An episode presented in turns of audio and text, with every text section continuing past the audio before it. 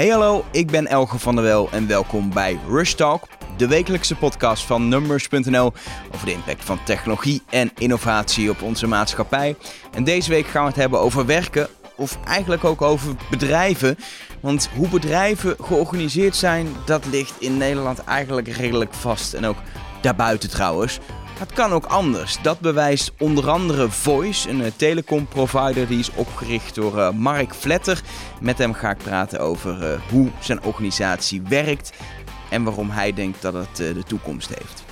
Nou, Mark, welkom. Ja, dankjewel. Leuk dat je, dat je me wil ontvangen in, in, in, jullie nieuwe kantoor, uh, waar, waar, jullie net een paar maanden zitten, volgens mij. Hè? Ja, we zitten er nu uh, volgens mij wel geteld twee maanden. En de andere helft van het, uh, van het bedrijf zit er net twee weken. Dus we, zitten nog, we zitten soms nog in de dozen. Ja, even, even heel kort voor mensen die het niet weten. Voice is een, is een zakelijke telecomprovider eigenlijk. Ja. Um, veel mensen die gewoon inderdaad niet in de zakelijke wereld willen zitten, die zullen nooit van jullie hebben, hebben gehoord waarschijnlijk. Nee, klopt. Nee wat, wat, doen jullie precies als zakelijke telecomprovider? Uh, eigenlijk heel simpel. Wij zorgen dat bedrijven kunnen bellen.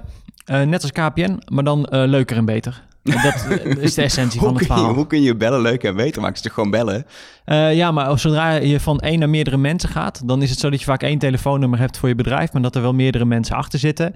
En je wil wel zorgen dat als die klant belt, dat die op de juiste plek terechtkomt, dat er altijd iemand de telefoon kan aannemen, dat het bij voorkeur ook nog eens iemand is die de vraag kan beantwoorden. En als je technologie daar slim bij inzet, dan kun je veel meer doen dan alleen dat. En uh, sommige klanten gaan er heel ver in. Je moet maar eens uh, praten met de mensen van Bits of Freedom. Die hebben daar een keuze nu achter zitten, waarbij je zelfs hun eigen podcast terug kunt luisteren via de telefoon. Dus in plaats van het wachtmuziekje, zeg In plaats van het wachtmuziekje. Je kunt zo gek maken als je zelf wil. Ja. Leuk. Um, het punt is, daar wil ik het helemaal met je, niet met je over hebben, want ik wil het met je hebben over, over het bedrijf zelf en de manier waarop jullie, uh, waarop jullie het hebben ingericht en waarop je het doen. Uh, ik moet je ook, en dat heb ik net gedaan, geïnteresseerd als oprichter en niet als directeur, want ja. jullie hebben geen directeur. Nee. Um, jullie hebben zoveel mo zo min mogelijk eigenlijk structuur erin gebouwd in de zin van lagen. Ja. Um, het, is een, het is een platte organisatie, zoals ze noemen. En, en het wordt ook wel een holocracy of ja, holocracy, ja, ja. wordt het genoemd. Ja, wat, wat, dat is het besturingsmodel. Soort, dat is een soort hippe, hippe term die wel vaak opduikt de laatste jaren. Klopt. Um, en dan moeten we even beginnen bij het, uh, bij het begin. Um, ik denk dat je een or organisatie in, in veel gevallen, zeker als de oprichter er zelf nog zit, vaak kunt samenvatten tot één of meerdere woorden. En als je bij mij naar de kern teruggaat, dan zal het gelijkwaardigheid zijn. We zijn niet allemaal gelijk, maar we zijn wel gelijkwaardig aan elkaar. Um, de vraag is hoe je die gelijkwaardigheid vervolgens op het moment dat de organisatie groeit kunt verankeren in die organisatie. En daar zijn we heel erg naar op zoek gegaan. Dus hoe zorg je dat je klanten gelijkwaardig zijn en dat je op dezelfde manier met ze om kunt gaan als dat je dat zelf zou graag, uh, zou, uh, graag zou willen. En hoe zorg je dat je met je collega's gelijkwaardig om kunt gaan. Um, toen we met een man of 15 waren, toen, uh, toen zei alle boekjes te moeten, moeten iets van een, uh, van een manager in of een teamleider. Nou, daar hebben we mee geëxperimenteerd en dat werkt helemaal niet voor ons. Dus dan heb je van die borrels, van die netwerkevents waar je dan bij elkaar komt. En uh, uh, ik ging dan, vraagt hij hoe gaat het met bedrijven? Zei ja, gaat fantastisch met het bedrijf, maar dat, hele, dat hele stukje van dat management, voor mij klopt er geen, geen, geen, geen klopt er helemaal niks meer van. En toen stuurde een van die mensen stuurde me een, een handboek van Valve door als pdfje. Ik had toen net zo'n eerste tablet van, uh, van, uh, van Google. En ik zat dat uh, in, de, in de bus te lezen. En op dat moment dacht ik van, er werd een organisatie beschreven waar veel minder hiërarchie en veel minder management was. En toen hadden we zoiets, dit, dit gaat ook bij ons passen. Dus dat was eigenlijk de eerste fase. Daar hebben we met een aantal collega's verder uitontwikkeld. Ook met een aantal externen hebben we daar uh, erg bij geholpen. En toen op een gegeven moment aan de collega's voorgesteld gesteld van... joh, dit is eigenlijk wat we willen gaan doen.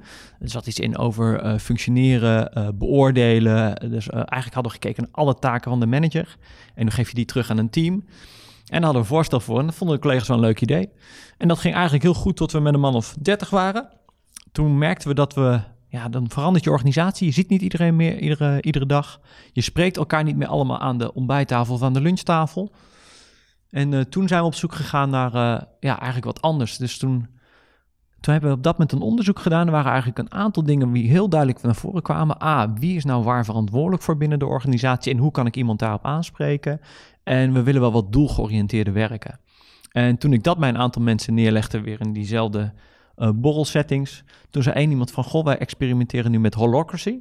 En volgens mij lost dat A, dat uh, vastleggen van wie is waar verantwoordelijk voor heel goed op. En B, het zorgt voor heel veel uh, metrics en sturing binnen die zelfsturende teams. En En volgens mij past het wel bij jullie filosofie. En toen zijn we dat gaan doen. En oh ja, holocracy. Holocracy wordt beschreven als een besturingssysteem voor organisaties. Het is eigenlijk gewoon een set van afspraken die je met elkaar maakt. Um, wat is het doel van je organisatie? Welke dingen doe je als bedrijf die je dan vervolgens daarin terug wilt zien? Uh, en wie zijn dan verantwoordelijk voor die handelingen? En dat leg je eigenlijk vast. En meer is het in wezen niet. Alleen daar zit wel een stukje aan afspraken onder, hoe je werkoverleggen doet en hoe je eigenlijk structureel ook je organisatie doorontwikkelt. Zorg dat de werkzaamheden die je uitvoert ook overeenkomt met de verantwoordelijkheden die zijn vastgelegd. En dat evalueert zich continu door. En die afspraken zorgen er eigenlijk voor dat iedereen een gelijke stem heeft aan tafel. En dat het dus inderdaad die gelijkwaardigheid uh, geborgd is. En dat maakt het wel een heel mooi systeem. Ja. Wat dat betreft, hoe, hoe vertaalt zich dat in, in de dagelijkse werkpraktijk? Zeg maar, hoe, is, een, is een dag hier op kantoor dan concreet anders dan in een hele uh, hiërarchische organisatie? Of, of maakt het eigenlijk niet zoveel uit? Is het vooral op het moment dat het inderdaad om meetings gaat, om, om beoordelingen van mensen, meer, meer, meer die kant, dat, het, dat, het, dat, je het verschil merkt? Nou, nee, er zitten wel een aantal structureel eh, andere zaken in. A, op het moment dat jij s ochtends wakker wordt en je hebt vandaag geen zin in je werk, normaliter ga je dan toch. Uh, um, als jij van, bij ons wakker wordt, s ochtends vroeg, je denkt ik heb er vandaag geen zin in en het kan agenda technisch, kun je op dat moment gewoon zeggen ik neem vandaag even een dagje vrij. Uh, doe me verder niet moeilijk over, of je niet ziek voor te melden, neem je gewoon even een dagje vrij.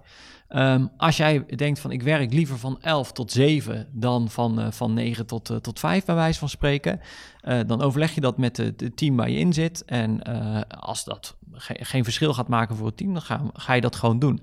Dus het begint al met de hoeveelheid vrijheden die je hebt in je werk en het feit dat je dat niet met een manager afstemt of met een baas, maar dat je dat eigenlijk met je collega's onderling, gewoon zoals je dat ook met je vrienden zou doen, afstemt van joh, vind je het goed als dit, dat, zo, zo. Dus wat dat betreft, je bent met, waarschijnlijk zelf verantwoordelijk voor een aantal uh, taken binnen het bedrijf, ja. uh, eventueel samen met collega's in een soort teamverband. Ja. ja. Um, en het is jullie je gezamenlijk of je eigen verantwoordelijkheid om te zorgen dat dat gebeurt. En hoe dat dan gebeurt en wanneer en, en, misschien zelfs waar, dat is aan jezelf. Ja, dus daar verschilt het wel fundamenteel. Daarbij is het ook nog zo dat je vaak niet... Vaak heb je in een organisatie heb je één functie en zit je in één team. Bij ons is het zo dat je heel veel verschillende rollen hebt over het algemeen. Uh, gemiddeld denk ik een zestal. En je zit dus ook in meerdere tijdelijke of permanentere teams uh, dat je samenwerkt. Dus dat maakt het werk anders. En op het moment dat jij zegt, hey, ik vind dit deel van mijn werk niet leuk dan kun je gewoon zeggen, ik geef deze rol terug. En hoef je dat stuk van het werk niet meer te doen. Um, maar er zijn toch in elk bedrijf zijn er gewoon, zijn er gewoon kuttaken ja. die iemand moet doen. Ja, ja nee, de, ook kuttaken, die, ja, de, daar hebben we dan trucjes voor. Dan uh, hebben we bijvoorbeeld een rol die uh, na iedere maand rouleert.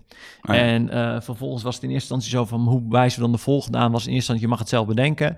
Toen werden we doen op basis van naam. En toen ontstond de discussie over de voor- of de achternaam. Toen werd het uiteindelijk op basis van voornaam. Dus daar vinden we onze weg eigenlijk wel Dan is het ook weer een gezamenlijke effort. Dit moet nou helemaal gebeuren, dus ja, dan doen we het allemaal een beetje. Dan doen we het allemaal een beetje. Maar het is dan wel duidelijk wie er voor dat moment in ieder geval verantwoordelijk voor is. Dus als dat niet gebeurt, weet je in ieder geval wie je daarop aan kunt spreken. Want als iedereen verantwoordelijk is, is niemand verantwoordelijk. Ja. Maar hoe, hoe, zit het dan met hele concrete dingen als er moeten in een organisatie heel veel beslissingen worden genomen? Ja. Um, uh, en natuurlijk, beslissingen gebeuren ook in andere bedrijven, vaak wel in meetings, overleg met, met meerdere mensen die verantwoordelijk zijn. Maar soms moet gewoon de baas de knoop doorhakken, toch? Um, um, uh, de, de verantwoordelijke moet de knoop doorhakken. Als jij vanuit jouw rol verantwoordelijk bent voor onze netwerkstabiliteit. En jij denkt dat het handig is om een derde datacenter te gaan gebruiken, omdat dat uh, nog meer spreiding geeft en nog meer redundantie. En jij bent daar verantwoordelijk voor, dan hoef je daar geen goedkeuring, voor te vragen of toestemming voor te vragen. Als jij denkt dat dat het beste is voor het bedrijf, dan uh, open je, uh, of huur je een rek in een extra datacenter, hang je daar je service in, et cetera. Daar gaat wel een uh, investering mee gemoeid. Maar tot een bepaald bedrag mag je die investeringen ook nog allemaal zelf doen. Pas als ze boven de, pin me hier niet op vast hoor, maar iets van 50.000 euro, net iets erboven zitten per jaar, dan moet je daar, uh, uh, heb, is er een rol die op dat moment toetst of dat de beste investeringsbeslissing is die we op dat moment kunnen nemen. Dus die gaat niet eens over, um, moeten we dit op dit moment wel of niet doen, maar is het van alle investeringsvoorstellen die we krijgen, is dit degene die het meeste impact gaat hebben. Um, maar het gaat er dus in wezen om dat wie het weet, mag het doen. Niet zeggen, nee, uitvoeren, executie. Eh, en als daar bepaalde resources voor nodig zijn, dan verzamel je die er volgens gewoon omheen. Ehm, je zult dus ook zien dat weinig beslissingen uiteindelijk in een meeting worden genomen. Een meeting is alleen maar uh, op het moment dat je ergens hulp bij nodig hebt en daarvan een aantal rollen input voor nodig hebt. Um, maar ook dat kun je vaak buiten een meeting doen. De tactische meetings zijn over het algemeen één keer in de week en ook van vrij korte duur. Metrics worden besproken, de projecten waar je aan werkt, dus even zodat iedereen up-to-date is en dat je gevoel hebt bij de puls van de organisatie. Nou, dat kost ongeveer 20 minuten, denk ik. En daarnaast meestal 20 minuten dingen die daaruit voortkomen. hey, ik zie dat dat en dat terugloopt, moeten we daar iets aan doen? Um, uh, ik heb deze en deze rol, moeten we qua marketing wat meer effort erin steken in dat en dat stukje? Uh, hey, we organiseren binnenkort een event. We hebben op dit moment uh, eh, 120 aanmeldingen. Maar we verwachten dat 20% uitvalt. Moeten we nog een aantal mensen op de reservelijst zetten? Uh, en dat overleg je dan even met de verschillende mensen die op dat moment aan tafel zitten. op basis van het aantal aanmeldingen. wat net bij die metrics is besproken. Dus dat is een beetje. en meer is daar ook eigenlijk meestal niet. Nee. Nou, waar ik dan wel benieuwd naar ben, het klinkt op zich best wel logisch dat je een organisatie maakt met iedereen heeft, heeft gewoon zijn verantwoordelijkheden, zijn rollen. En uh, als iedereen gewoon inderdaad uh, doelgericht werkt met als doel om die rol en die verantwoordelijkheid zo goed mogelijk in te vullen, dan gaat het bijna vanzelf. Zo, zo, zo klinkt het uh, op papier. Ja, maar in de praktijk, het ook wel. In de praktijk moet je toch, zoals in elke organisatievorm, dingen hebben die daar toch niet zo lekker aan werken dingen die toch lastig zijn. Weet je, omdat misschien iemand niet zo gemotiveerd is als je misschien hoopt op een bepaald moment. Of, of omdat uh, op een gegeven moment toch uh, ergens uh, twee mensen met een hele verschillende mening samen verantwoordelijk zijn voor een taak. Of ik noem. Nou, um, het, wordt, het, enige waar ik van merk dat het lastig wordt, is als het een, een taak is waarbij je input nodig hebt van heel veel verschillende andere teams. We hebben een functionaliteit in ons platform zitten. Waarmee je op het moment dat er een gesprek binnenkomt of een gesprek uitgaat, andere systemen kunt laten weten dat dat gesprek uitgaat. En dat integreren dus ook met andere systemen. Maar er komt en Spindle, de club die het ontwikkelt. En daarbinnen twee teams van Spindle. Uh, uh, het, degene die de infrastructuur maken, degene die de voorkant van de code schrijven, het team wat het integreert.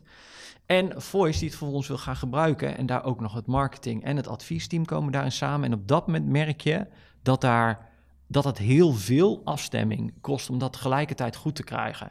En daar in het verleden wel eens tegen aangelopen. Dat op het moment dat het multidisciplinair wordt, dat het complexer wordt.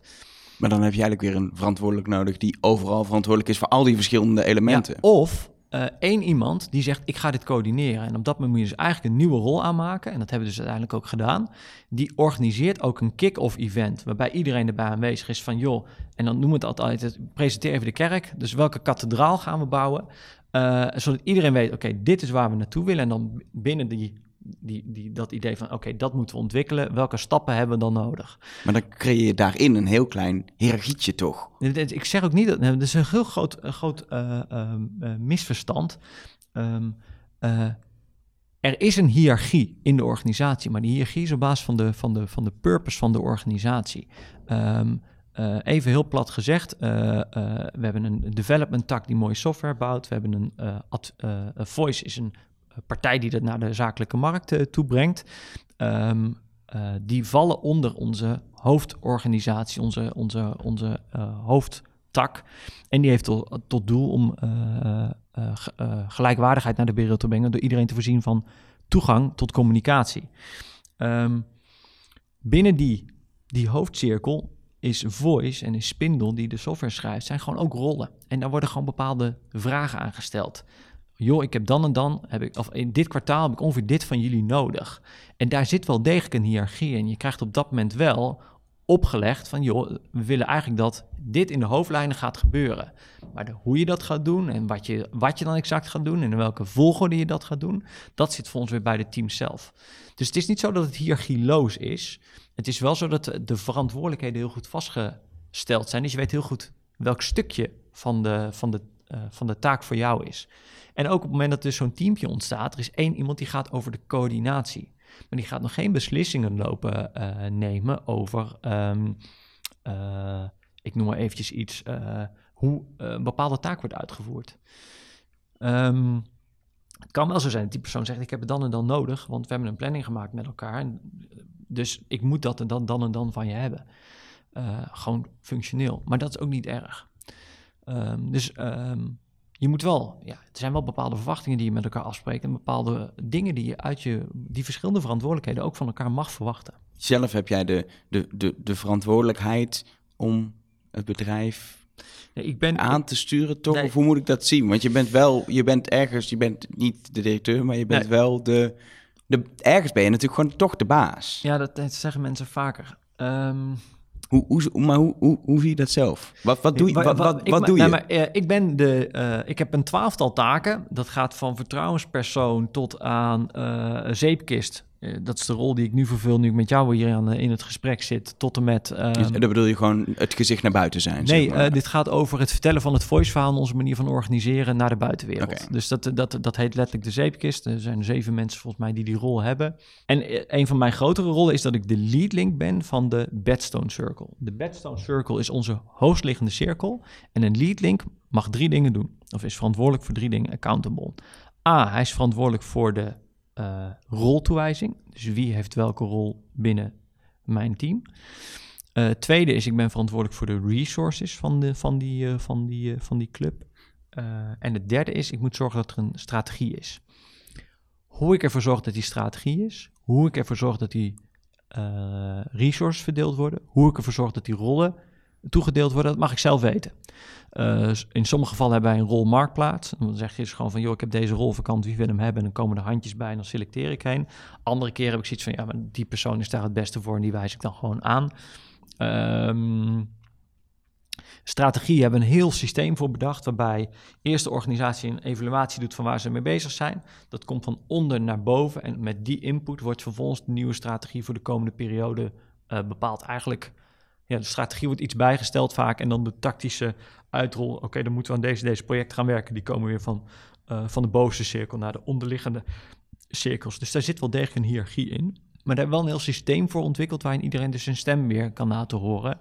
Zodat het wel iets is wat in de hele organisatie gesnapt is, waar iedereen zijn input heen heeft kunnen geven. En wat ook een stukje alignment geeft in dat hele. Maar, maar wat dat betreft heb je wel, wel gewoon heel veel taken die in een andere organisatie een directeur ook heeft. Alleen de manier waarop je ze misschien invulling geeft, waarop je ze uitvoert en hoe je ook misschien meer de organisatie in betrekt, die is anders. Maar uiteindelijk De, de, de verantwoordelijkheden die je hebt zijn niet anders. Nee, maar bijvoorbeeld ik ben niet verantwoordelijk voor de well-being van de organisatie. Dus ik ben niet verantwoordelijk hoe mensen zich voelen. Um, ik, uh, ik mag niet zeggen van uh, um, uh, ik wil dat jij dit en dit, zus en zus en zo gaat doen. Het enige wat ik kan zeggen, jij hebt deze rol, dus ik verwacht van jou dat je die rol zo goed mogelijk inkleedt. En als ik om wat reden ook vind dat dat niet goed genoeg gaat, of ik vind iemand beters, dan mag ik die rol aan iemand anders toewijzen. Um, dus ik heb wel bepaalde uh, verantwoordelijkheden binnen die rol, maar die verantwoordelijkheden zijn heel beperkt. En andersom, ik kan er ook op aangesproken worden. Als ik geen, niet zorg dat de strategie duidelijk is voor de organisatie, dan kan de rest van de organisatie mij aanspreken op het feit dat er geen strategie is. En een gemiddelde organisatie word je als directeur niet aangesproken als je het niet doet. Dan, uh, dan houdt men hun, mond. Hier werd heel duidelijk gezegd, Mark, de huidige strategie of het format ervoor vinden we niet geschikt genoeg. En toen ben ik gaan kijken naar een andere vorm daarin. Uh, en daar heb ik een eerste versie van gemaakt. En inmiddels zijn we volgens mij bij versie uh, 12 of 14 van, van de manier waarop we dat invullen. Er zit een gelijkwaardigheid in de manier waarop je dat bedeelt. Ja, en waar, waar, ik wel benieuwd naar ben dan, is, uh, we hadden het in het begin al over onlangs uh, verhuisd naar een nieuw kantoor. Dat hebben jullie eigenlijk vanaf de grond toe uh, ingericht. Ja. best wel groot pand. Het is een oude, oude pand van het dagblad van het Noorden ja. in Groningen, waar, jullie, waar jullie eigenlijk een, een verdieping grotendeels hebben. En nog, vertelde je, de, oude, de oude expeditieruimte, ja, die waar vroeger de, de, de, kranten werden, werden vervoerd, of eigenlijk het, het land in gingen vanaf daar. Ja, 3500 vierkante meter. Dat is echt een enorme ruimte. Ja, en hoe, hoe, hoe, hoe richt je een kantoor in om te passen bij de organisatie die je wil zijn. Want ik kan me voorstellen dat je bepaalde dingen bewust dan wel of niet doet. Dat jij niet bijvoorbeeld, jij hebt, je, je zit gewoon op de vloer tussen de mensen. Nou zie je dat wel meer tegen de organisatie. dat, de, dat, het, dat, dat niet de, de, de, oprichter of de directeur zeg maar, eh, in zijn eigen kantoor meer zit, maar iets meer op de vloer wil zijn. Nou, prima. Maar, maar wat, heb je verder, wat heb je verder voor keuzes gemaakt? En überhaupt, was het gewoon weer een rol om dan, om dan te beslissen hoe de organisatie uh, werd ja, er zijn drie, uh, even kijken, er zijn drie mensen bezig geweest met de, met de, met de verhuizing. En heb je, want je hebt nou natuurlijk ook je contractuele onderhandelingen en al dat soort zaken. Er zat iemand in van finance, iemand in van legal en iemand die de, zich bezig ging houden met de inrichting. Um, dus die hebben eigenlijk de hele verhuizing aangezwengeld en begeleid en uh, uitgevoerd. Uh, die hebben daarvoor, vooral die, de persoon die verantwoordelijk was voor de inrichting, van tevoren geïnventariseerd wat de verschillende collega's wilden. Nou, we wilden elkaar meer tegenkomen op het werk. Uh, we zaten vroeger in ja, eigenlijk ruimtes van iedere keer waar je met maximaal 12 personen zou kunnen zitten. En dat was vaak wat gehorig en wat kleiner. Dus we wilden wat ruimer zitten. We wilden elkaar wat makkelijker tegen kunnen komen. En we wilden verschillende soorten van werk uh, wilden we faciliteren. Wij bellen heel veel, telecombedrijf.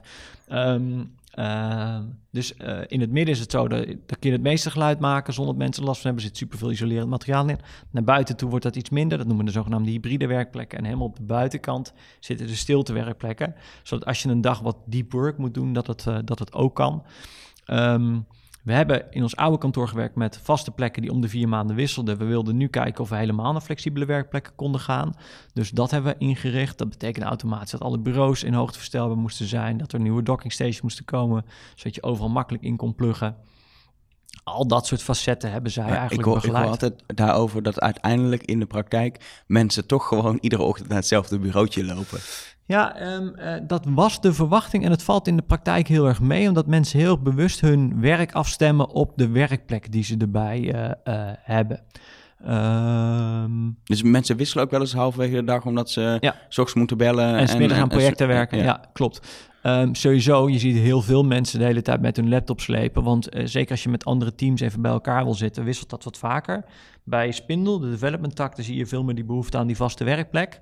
Um, en daar zit je ook vaak met je uh, team waarin je op dat moment samenwerkt aan een bepaald project, zitten die teams bij elkaar. Het zijn Kabal-teams of Scrum-teams. Die zitten dan rond een bepaald project bij elkaar totdat het project is afgelopen en valt het team uit elkaar. En die zitten, zo worden die ruimtes verdeeld. Daarom zie je daar ook ruimtes van vier, zes en acht werkplekken, omdat dan een beetje de standaard teamgroottes bij ons uh, zijn. Dus, um, uh, en ook daar zeggen we dan wel van het is wel goed als je om de vier maanden, zes maanden even wisselt. Omdat je gewoon elkaar ook beter wil leren kennen. Wat meer wil snappen van het werk wat de andere doet. Gewoon om een gezondere organisatie uh, te zijn. Um, waar we ook rekening mee moesten houden, we hebben mensen met een arbeidshandicap. Um, uh, zitten in een rolstoel. Hebben bepaalde spierziektes. Dus we moesten er rekening mee houden dat alles inderdaad ook in hoogte verstelbaar zou zijn en dat er ook genoeg rolbreedte was. En uh, dan nog kom je erachter op een gegeven moment dat het uh, invalide toilet niet bereikbaar is voor iemand. Maar uh, nou, daar proberen we dus ook rekening mee, te, mee te houden. Ja. ja wat me opvalt is wel dat het uiteindelijk is het, is het een soort van hele ruim opgezette open kantoorruimte. Ja. maar als ik er doorheen loop is het... Het is geen kantoortuin. Nee, het is ook niet druk. Nee. Het is niet, het is heel, het is heel ontspannen rustige sfeer die er hangt. Zelfs als ik een groepje mensen bij elkaar zie zitten, dan, zelfs dan is het niet... Vaak weer dan toch dat er heel veel gauw, eh, ook heel veel lawaai produceert. Ja, klopt. Het is, het is echt een rustige omgeving. Ja, dat komt... A, er zit heel veel auditief materiaal overal in. En B, gebruikt iedereen headsets die het geluid wat je zelf produceert teruggeven op je oren. En daarmee gaan mensen automatisch zachter praten. Dus we hebben heel veel gedaan om ook een rustige omgeving te kunnen zijn. Om dat je... Kijk, zo'n kantoortuin is hartstikke leuk, maar ik, je bent wel eens bij de redactie van, uh, van het FD geweest. Als ik daar een dag zou moeten werken, zou ik echt gillend gek worden. en dat merk ik ook hier als je bij de journalisten de reactie oploopt. Het is zo onrustig. En dan denk ik, dan moet je een stuk schrijven, een inhoudelijk stuk over wat voor onderwerp dan ook. Met zoveel chaos, alleen visueel al om je heen. Dus er is in het kleurgebruik, het lijnenspel, uh, is heel veel rekening gehouden met uh, een bepaalde visuele rust. Alle bureaubladen zijn bijvoorbeeld zacht grijs. Um, dat is namelijk rustiger dan hard wit, zeker als de reflectie erop uh, op, uh, ligt. Dus er zitten allemaal van dat soort dingen, is er nagedacht over hoe je om wil gaan met die, uh, met die werkomgeving. En iedereen mag zelf bepalen hoe die wil werken. Dus je ziet mensen met koptelefoons, headsets, dingen. En dat wordt allemaal door het werk bepaald, want het is gewoon onderdeel van je werkgear. Nou, en jullie hebben ook al de, de, de filosofie dat als je, als je thuis wil werken, of zelfs als je, ja. als je zegt, ik, ik ga twee weken in het aan, een, aan een Spaans zwembad liggen, dan, uh, als, als het werken toelaat natuurlijk, dan, dan kan het gewoon. Ja, en we hebben nu een collega die werkt op ons kantoor in België. Haar man kreeg een baanaanbod in Denemarken, dus die werkt nu in Denemarken voor Voice België. we hebben voice-collega's uit Nederland die een tijd in Zuid-Afrika gaan werken. En die werken gewoon voor Voice, Zuid-Afrika, of voor Voice Nederland in Zuid-Afrika. En dat is hartstikke leuk, want je leert andere culturen, andere collega's kennen, maar ook de gebruiken die daarbij horen. Dus je komt altijd met een rijkere ervaring terug, want je leert veel van elkaar. Uh, het voordeel is dat het allemaal nog redelijk in dezelfde tijdzone valt. Uh, Zuid-Afrika scheelt een uurtje met zomer-wintertijd af en toe. Maar het wordt spannender als we in, uh, daar breder in gaan opereren. Um, voor bepaalde rollen maakt het niet uit. maar bijvoorbeeld de klantgelukafdeling, dat zeggen, ja, customer care in zijn breedste zin. Er zit ook derde lijn support en dat soort dingen allemaal onder. Die, die, die, die moeten bereikbaar zijn voor klanten. En klanten bellen bij ons ergens tussen 9 en 6 over het algemeen. Dus dan moet je daar iets aan faciliteiten voor inregelen dat je in die periode in ieder geval voldoende bezet bent. Maar dat kan het team prima zelf organiseren. Ja. En, en, in de praktijk, in net dat voorbeelden, maar, maar over het algemeen toch mensen die gewoon veel 9 tot 5 uiteindelijk hier op kantoor zitten iedere dag? Of, want als je, dat, dat is vaak wat je dan, wat ik hoor, net zoals wat ik, wat ik net zei, je geeft mensen een bepaalde vrijheid en uiteindelijk doen ze kiezen ze toch voor een soort veiligheid, bekendheid van. Nee, ik denk dat iedereen wel een dag in de week thuis werkt of elders ergens anders zit. Uh, ik opende gisteravond, uh, we hebben een, uh, een, kanaal dat heet Stuck in Traffic. En in Stuck in Traffic geef je even aan als de dag anders gaat lopen dan dat je standaard in je agenda hebt staan. Dus um, nou, ik logde daar zelf in, omdat ik namelijk vanochtend startte in, ik zat in een andere, andere stad. van joh, ik ben niet op kantoor, ik doe even dit en dit, daar en daar. En als er vragen zijn, ben ik telefonisch bereikbaar. Toen ik inlogde waren er die ochtend al, of gisteren, op zondag, waren er al vier berichten geplaatst. Over het weekend heen door verschillende mensen. Daar, oh, mijn maandag gaan er anders uitzien. Nou, dat is voor dat team, dat team is ongeveer 40, 50 man groot. Dus is toch 10% die dan al, alleen al voor die maandag weet, mijn dag gaat anders lopen. Dus ik denk dat er over het algemeen er verandert zoveel op een dag. Uh, je wil even naar de kapper, uh, uh, je kind is ziek, ehm, de scholen hebben besloten te staken, openbaar vervoer werkt een dag niet. ja, en dan, dat, dat past zich daarop aan. Dus ik denk dat iedereen er eigenlijk wel relatief gezien veel gebruik van maakt. Je ziet op een gegeven moment wel bepaalde patronen erin slijten, want mensen zijn wel gewoontedieren. Dus ik ben bijvoorbeeld op maandag meestal van 9 tot 3. dat gaat in 80% van de gevallen op. Waar ik nou wel benieuwd ben, trek je wel een soort bepaald soort mensen aan door type organisatie dat je bent? Of heb je ook gewoon mensen die eigenlijk helemaal... Uh, natuurlijk, je leest waarschijnlijk als je jullie vacatures leest wel iets over wat voor organisatie je bent. Of je verdiept je hopelijk als je het solliciteren erin. Maar mensen die toch denken, oh, daar had ik helemaal niet zoveel over nagedacht dat het zo anders is. Dat het, dat het eigenlijk niet uitmaakt wat voor mensen het zijn. Ik denk dat het niet uitmaakt, maar je ziet wel dat uh, de mensen die bij ons solliciteren zijn over het algemeen hele bewuste sollicitanten. Dat heeft er ook mee te maken dat onze vacatures meestal niet op Monsterboard, Intermediair, Jobbird, etc. staan. Uh, die staan alleen bij ons op de website. Dus uh, je moet ons al volgen, een keertje hebben gezien, uh, van ons gehoord hebben. Je moet onze Twitter-feed tegenkomen of de vacature ergens op uh, Facebook vinden. Dan kom je met ons in aanraking. En zoals je net al aan het begin zei, we zijn geen consumentenmerk. Dus hoe cool wij ook zijn, zo zichtbaar als een Coolblue dat is, worden wij nooit. En dat is ook helemaal prima. Um, dus alles vacature, als we een vacature open hebben staan, krijgen we dan meestal zo tussen de 50 en de 100 sollicitanten op. Um, en dat zijn vaak hele inhoudelijke sollicitanten, die ook vaak zich erg wel hebben verdiept in de organisatie waar ze voor gaan werken. Dat is ook wel leuk om te lezen. Wat we wel proberen te doen, is zo divers mogelijk aan te uh, nemen. Um, dat begint al bij de foto's die je over het algemeen ziet bij de vacatures, proberen zo divers mogelijk te maken. De taalgebruik moet zo universeel mogelijk zijn. Um, het team wat de selectie doet, is meestal het team wat ook, uh, zeggen, de uitbreiding verzocht heeft. Um, uh, daar probeer je binnen dat team probeer ook een zo divers mogelijk profiel aan mensen die uiteindelijk de kandidaten beoordelen te selecteren. Dus daar zijn we wel, uh, we proberen zo divers mogelijk aan te nemen. Ik kan, was heel blij dat de laatste dame die we aannamen, um, ik weet niet of ze heel blij is dat ik haar leeftijd genoemd, maar het is de 60 in ieder geval gepasseerd. Laat ik het daar maar op houden. En dat vind ik heel leuk dat we zo iemand dan bij ons in het team kunnen verwelkomen. Ja. ja, maar het zijn allemaal mensen die in ieder geval open-minded zijn, denk ik, over over die manier van werken. Oh, en die misschien ook niet. Weet je, je hebt mensen die gewoon heel erg hebben, uh, nodig hebben dat ze gewoon best wel een opdracht krijgen en dat ze controleren of ze die opdracht goed doen. Die best wel die. Nee, dat, die ga je sowieso bij ons niet zo snel vinden. En heel eerlijk, dat is aangeleerd gedrag. Um, uh, want iedereen koopt zijn eigen huis. Iedereen sluit zijn eigen hypotheek af. Geeft gewoon even twee ton uit aan een hypotheek. Koopt zijn eigen auto, eigen verzekering. Voedt zijn eigen kinderen op. En dan komen ze op het werk en dan mogen ze nog geen paperclip bestellen.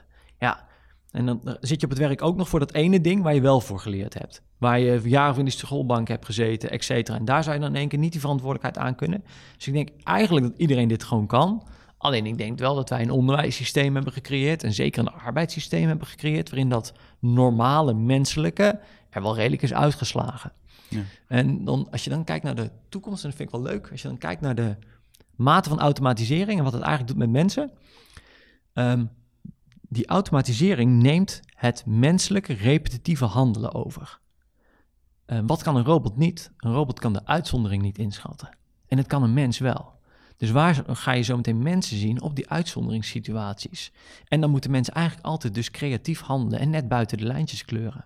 Dus ik denk dat de toekomstige workforce veel flexibeler daarin moet gaan opereren dan dat we op dit moment hebben gedaan. Want we hebben die workforce vooral ingericht op die repetitieve handeling. En dat gaat eruit. Dat heeft automatisering en zeker straks uh, ja, machine learning en artificial intelligence gaan dat van je overnemen. En is wat dat betreft jullie manier van werken daar dan een oplossing ik denk dat voor? dat, uh, nou, ik denk dat dat wel, het maakt het voor ons in ieder geval een stuk makkelijker. Dat merk je ook. Ja. Maar is het, is het dan iets wat je toe zou kunnen passen in elke organisatie? Ik denk dat er heel veel bedrijven zijn waar dit niet kan, om wat voor reden dan ook. Het begint bij de incentive, waarom wil je dit? Als je dit wil meer geld te verdienen, wat meestal toch de incentive is van een, uh, van een, uh, van een directeur, want hij werkt voor zijn aandeelhouder. Heb ik de man van Shell ooit horen zeggen. Hij was in het leven geroepen voor zijn aandeelhouder, volgens mij zelfs. Dan, dan, en je wil dit implementeren, dan gaat het nooit gebeuren. Je intrinsieke motivatie moet zijn: ik wil een gezondere werkplek, een fijnere plek om te zijn voor iedereen. Ik wil een inclusievere werkplek. Uh, ik wil meer kunnen betekenen voor mijn klanten. Ik wil beter kunnen luisteren naar mijn klanten. Als je pad daar begint, dan geloof ik wel dat je, dat je hierheen kunt, uh, kunt, uh, kunt bewegen. Maar als jij denkt van we gaan het doen om meer, uh, meer geld te verdienen, meer rendement te maken, meer uit onze effectief, effectiviteit onze mensen te halen, dan, dan begin je op het verkeerde voetstuk. Het begint bij normale menselijke interactie. Maar wat, wat dat betreft, waarom, waarom is Voice dan op, is, is Voice op aarde voor, voor zijn klanten? Of om gewoon, is het een, om zoveel mogelijk mensen een, een leuke baan te geven en, en zorgen dat ze geld kunnen verdienen? Nee. Of hoe ons, ons doel is heel simpel. Op dit moment, uh, uh, um, wij willen iedereen voorzien van, nee, we willen een gelijkwaardigere maatschappij. Dat is volgens mij het, het, hetgene waar wij heel goed in zijn. Dat laten we zien door de manier waarop we georganiseerd zijn. Dat laten we zien door de manier waarop onze met onze klanten omgaan. Maar het zit ook in de technologie die wij leveren. Uh, al onze technologie, al onze contracten zijn per dag opzegbaar. Uh, uh, je kunt morgen opschalen, je kunt morgen afschalen met het grootste gemak. Je zit nergens aan vast. Um, je kunt overal werken met onze technologie. Die is encrypted, dus je, de overheid kan niet meeluisteren. Um, Sterker nog, jullie zitten midden in een, in een, in een rechtszaak, rechtszaak tegen, tegen... Want die proberen dat wel te kunnen. ja, nee. tegen, maar de, het is een los verhaal, maar jullie ja. zitten, je zit in een rechtszaak tegen, ja, de, tegen, tegen de, de staat. Ja. Nou, en dat is niet de eerste keer. Is al voor mij de tweede of de derde rechtszaak die we tegen de overheid hebben lopen. We staan op dit moment op, uh, op de twee winsten, geen verlies. Dus ik heb goede hoop. Um, en we doen het niet alleen, we doen het met heel veel andere bedrijven. Maar dat stukje open, vrije communicatie en daarmee een gelijkwaardigere wereld, dat is waar wij voor gaan. En dat doen we door die techniek uiteindelijk naar plekken te brengen waar helemaal geen toegang tot die communicatie is. En dan moet je vooral kijken naar la landen waarin helemaal geen toegang tot internet is of de buitengebieden waar dat uh, voorlopig de komende jaren niet gaat komen. Dat is ook waar onze stichting uh, mee bezig is, om dat op poten te zetten. En Voice en Spindle zijn daarbij een soort resource centers. Er komt geld vanaf, er zitten hele slimme mensen in die zich in kunnen zetten voor dat doel. En daar zit ook een levensvatbaar model in waarin we onze open source software verder kunnen doorontwikkelen. Dus we leveren onze producten aan de zakelijke markt. Daar passen onze producten heel goed, maar de componenten die we ontwikkelen kunnen we daarna inzetten om mensen die geen internet of geen communicatietechnologie hebben te gaan voorzien van communicatietechnologie. Dus dat is waar wij op de lange termijn mee, mee bezig zullen zijn. Alleen daarin kun je ondertussen wel een heel goed voorbeeld zijn van hoe gelijkwaardigheid leuker is voor je klanten en leuker is voor de mensen met wie je samenwerkt. En uh, dat, dat, uh, daarom bestaat die zeepkistfunctie ook. Ja. Ja. Maar is, is het, wat dat betreft, is dit iets wat, wat vanaf dag één zo heeft bestaan? Of is dit ook een beetje een een soort ontdekkingstocht geweest voor jou en, en misschien de, de, de, vooral het eerste team waarmee, waarmee natuurlijk de eerste mensen die hier werkten, van wat willen we, wat willen we zijn Nee, het begint, eh, het begint in het, met het feit dat ik... Ik heb een uh, tijdje ontwikkelingswerk gedaan in Haiti. En daarbij heb ik een aantal situaties meegemaakt waarvan je echt als we nu toch gewoon een telefoontje zouden kunnen plegen... dan hadden we een leven kunnen redden. Dan uh, hadden we een begrafenis eventjes kunnen organiseren... in plaats van dat het een week duurt.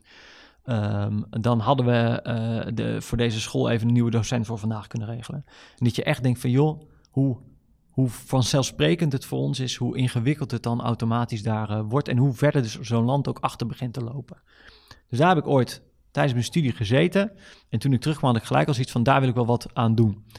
Um, toen vervolgens kwam deze kans om het bedrijf te starten binnen TNO kwam voort als een afstudeeropdracht. En in eerste instantie ging dat gewoon over een levensvatbaar model. Zorg maar überhaupt dat je een bedrijf kunt starten. Alleen toen dat eenmaal lukte, ja, toen mochten we gaan denken over hoe kunnen we dan verder.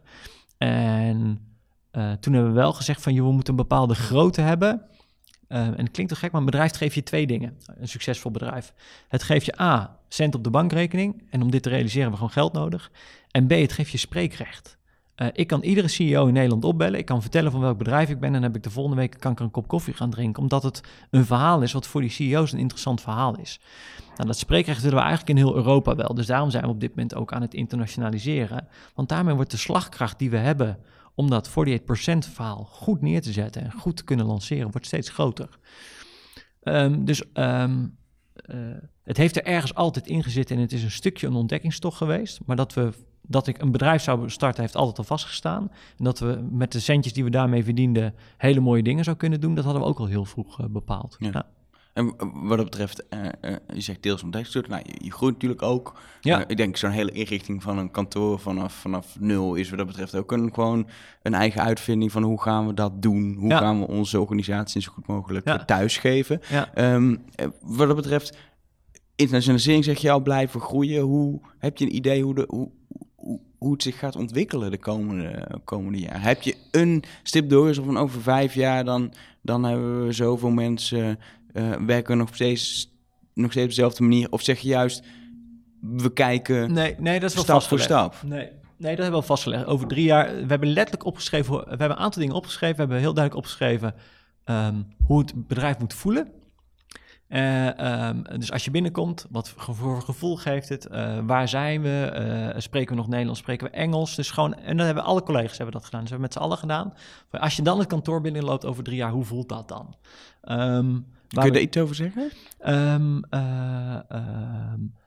het, is, het is een authentieke plek om te zijn. we werken er niet alleen maar weer samen met onze eigen mensen, maar er lopen ook veel andere organisaties rond die onze purpose kunnen aanvullen. Dus het bedrijf mag uh, fysiek veel groter zijn en er mogen ook andere organisaties in rondlopen die aansluiten bij uh, wat wij nodig hebben om het eigenlijk te realiseren. Um, uh, we spreken alleen nog maar Engels. we, hebben, we zitten in ieder geval in, ik meen, vijf landen. Um, even kijken. We staan met al die landen in live verbinding. Allemaal van dat soort dingen zijn er opgesteld. Je mag, we werken locatie en tijds onafhankelijk. En dat mag ook iedereen. Uh, nou, dat soort dingen stonden, stonden er in dat, uh, in dat verhaal. En wat we nu aan het doen zijn, dat gaat een stap verder, is van... hey, maar hoe heeft onze technologie zich dan ontwikkeld? Dus um, we leveren op dit moment een telefonieproduct. We zijn steeds meer aan het kijken naar hoe de toekomst van communicatie er in de breedste vorm uitziet. We zijn nu aan het kijken of je eigenlijk een product kunt ontwikkelen wat alle vormen van communicatie die binnenkomen straks, met behulp van een stukje artificial intelligence en ook de data die je hebt over de historische communicatie automatisch bij de juiste persoon terecht kunnen laten komen. Dus klant stelt een vraag via e-mail, heeft eerder contact gehad met Ilco, die heeft hem toen goed geholpen, want we hebben de customer review daar ook bij. Uh, dit is een vraag die in de expertisevlak van Ilco uh, past, dus de AI zegt op dat moment, hey, Ilco kan deze vraag op dit moment beantwoorden, want die is vandaag ook op kantoor. Dat soort dat is waar we uiteindelijk naartoe willen. Dus af, onafhankelijk van welk communicatiekanaal, dat die klant zo snel mogelijk het juiste antwoord krijgt en eh, met een menselijke standaard. Dus uh, de AI niet als het alwetende, maar als een versterker van het menselijke handelen. Omdat volgens mij die, in die authentieke menselijke relatie zit uiteindelijk de meerwaarde die we nog altijd houden uh, van ons mens zijn. Ik, ik, ik wou eigenlijk bijna zeggen mooi laatste woorden, maar ik wil nog één ding wil ik heel graag vragen. Ja. Ehm, eh, dus dat ga ik toch nog doen. Ehm, wa- wat, ik, wat ik heel interessant vind is, eh, jullie zijn best wel bezig, ja, jullie hebben ook de zeepkistfunctie, eh, leg je me net uit, met het vertellen van het verhaal van hoe jullie werken en dat laten zien aan de wereld en heeft aan andere bedrijven misschien inspiratie zijn wat dat betreft. Ehm, wat voor reacties krijg je? Want ik kan, ik kan me ook voorstellen dat je soms mensen krijgt die zeggen wat, wat een... Wat een, eh, wat een bullshit bingo bij elkaar, zeg maar. Ja, en die krijgen we het meest. Ehm, en dat is ook het leukst, want iedereen die dat zegt, die nodig ik gewoon altijd uit om een keer op kantoor te komen. We hebben één keer per maand hebben we eh, spraakmakend. Eh, zo hebben we dat ooit genoemd. Voice.nl slash spraakmakend kun je inschrijven. Ehm, en dan komen mensen dus bij ons kijken. Want ehm, ik kan dit verhaal vertellen als je hier niet op de werkvloer hebt rondgelopen en hebt gevoeld wat dat betekent. Dat iedereen met opgeheven kop rondloopt, dat iedereen lacht als hij naar je kijkt. eh, eh, een gesprek met een klant hebt gehoord, waarbij er inderdaad gewoon een normaal gesprek wordt gevoerd, zoals jij en ik dat nu ook voeren. Waarin gewoon wordt gekeken, hoe kan ik jou nou echt het beste helpen? Als je dat niet hebt gevoeld en daarbij ook niet de harde data hebt eh, gezien, want we hebben dat natuurlijk op dashboard staan hier, die kun je live, kan iedereen die bekijken dan gaat het niet leven bij mensen en dan blijft het ergens een beetje een mooi verhaal uit een boekje. En je moet voelen hoe dat werkt. En dan moet je ook daarna de dingen eruit pikken die voor jouw bedrijf ook gaan werken. Want dit is geen uniform iets wat je zo in een organisatie hup naar binnen schuift. Nee, iedere organisatie is wat dat betreft eigen en die moet hier de dingen uitpakken die voor zo'n bedrijf wel of niet gaan werken. En eh, eh, dat is heel leuk om dat bij zo'n spraakmakend te zien. De eerste paar keer dat we het deden, hadden we allemaal mensen die hier nog nooit wat mee hadden gedaan.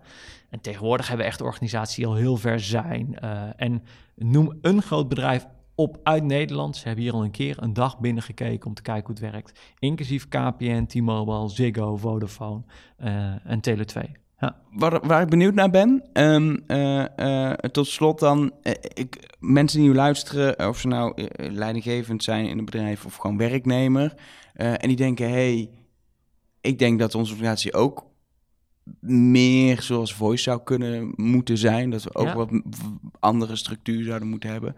Wa- wat wil je ze mee, waar moeten ze beginnen? Want dat is natuurlijk het moeilijkste bij bestaande organisaties. Verandering is, is, is, het, is volgens mij het allerlastigste. Ja. ja. Vroeger zei ik altijd stoppen, begin eens met stoppen met vergaderen. Eh, maar dat is een beetje lastig. Ik denk dat ik eigenlijk de leidinggevende dan zou willen aanspreken. Eh, en, ehm, want eh, ik hoor het vaak van leidinggevenden, dat kan niet met mijn mensen. Het is nooit het probleem van de mensen. Het is altijd het probleem van de leidinggevende. Ehm, dus op het moment dat die het vertrouwen durft te geven en zich daar kwetsbaar in op durft te stellen, dan, eh, dan heb je daarin ook een voorbeeldrol richting de rest van het bedrijf. En dan zou de rest wel eens wat, vanzelf wat makkelijker kunnen gaan. Maar Dus geef maar eens wat vertrouwen. Dat kan misschien niet elke leidinggevende, omdat dat niet in zijn karakter zit. Ja, dan moet hij een andere baan gaan zoeken. ja, serieus. Nee, maar de, de oude, oude, oude hiërarchische Wall Street eh, van, eh, van, eh, van leidinggeven, die, die mag wel weg. Dat is wel afgelopen. Het past niet bij de nieuwe generatie. Het past niet bij deze tijd. En om heel eerlijk te zijn, technologie heeft die middelmanagementlaag helemaal weggevaagd. Want communicatie is platgeslagen en informatie is platgeslagen door eh, internet. Dus, eh, en dat gaat ook niet meer terugkomen. nu de organisaties nog. nu de organisaties nog. Ja, Mag ik, dankjewel. graag gedaan. En daarmee komt er een einde aan deze editie van, eh van Rush Talk. Ik ben heel benieuwd wat je van deze uitzending vond. En vooral of je nog ideeën hebt voor, voor andere Rush Talks, voor andere gasten of onderwerpen die we kunnen bespreken. Laat het me gewoon even weten. Stuur me een berichtje via Twitter, Elger of Numrush. Of je kan ook altijd eh, via Facebook een berichtje sturen. Facebook.com slash. Luister je deze podcast nou bijvoorbeeld via de site of via Soundcloud, dan adviseer ik je even de podcast-app van, eh, van Google op Android of die van Apple op de iPhone eh, te pakken en je te abonneren op Rush Talk. Dan krijg je iedere woensdagmiddag een nieuwe aflevering eh, binnen en hoef je dus geen afleveringen te missen.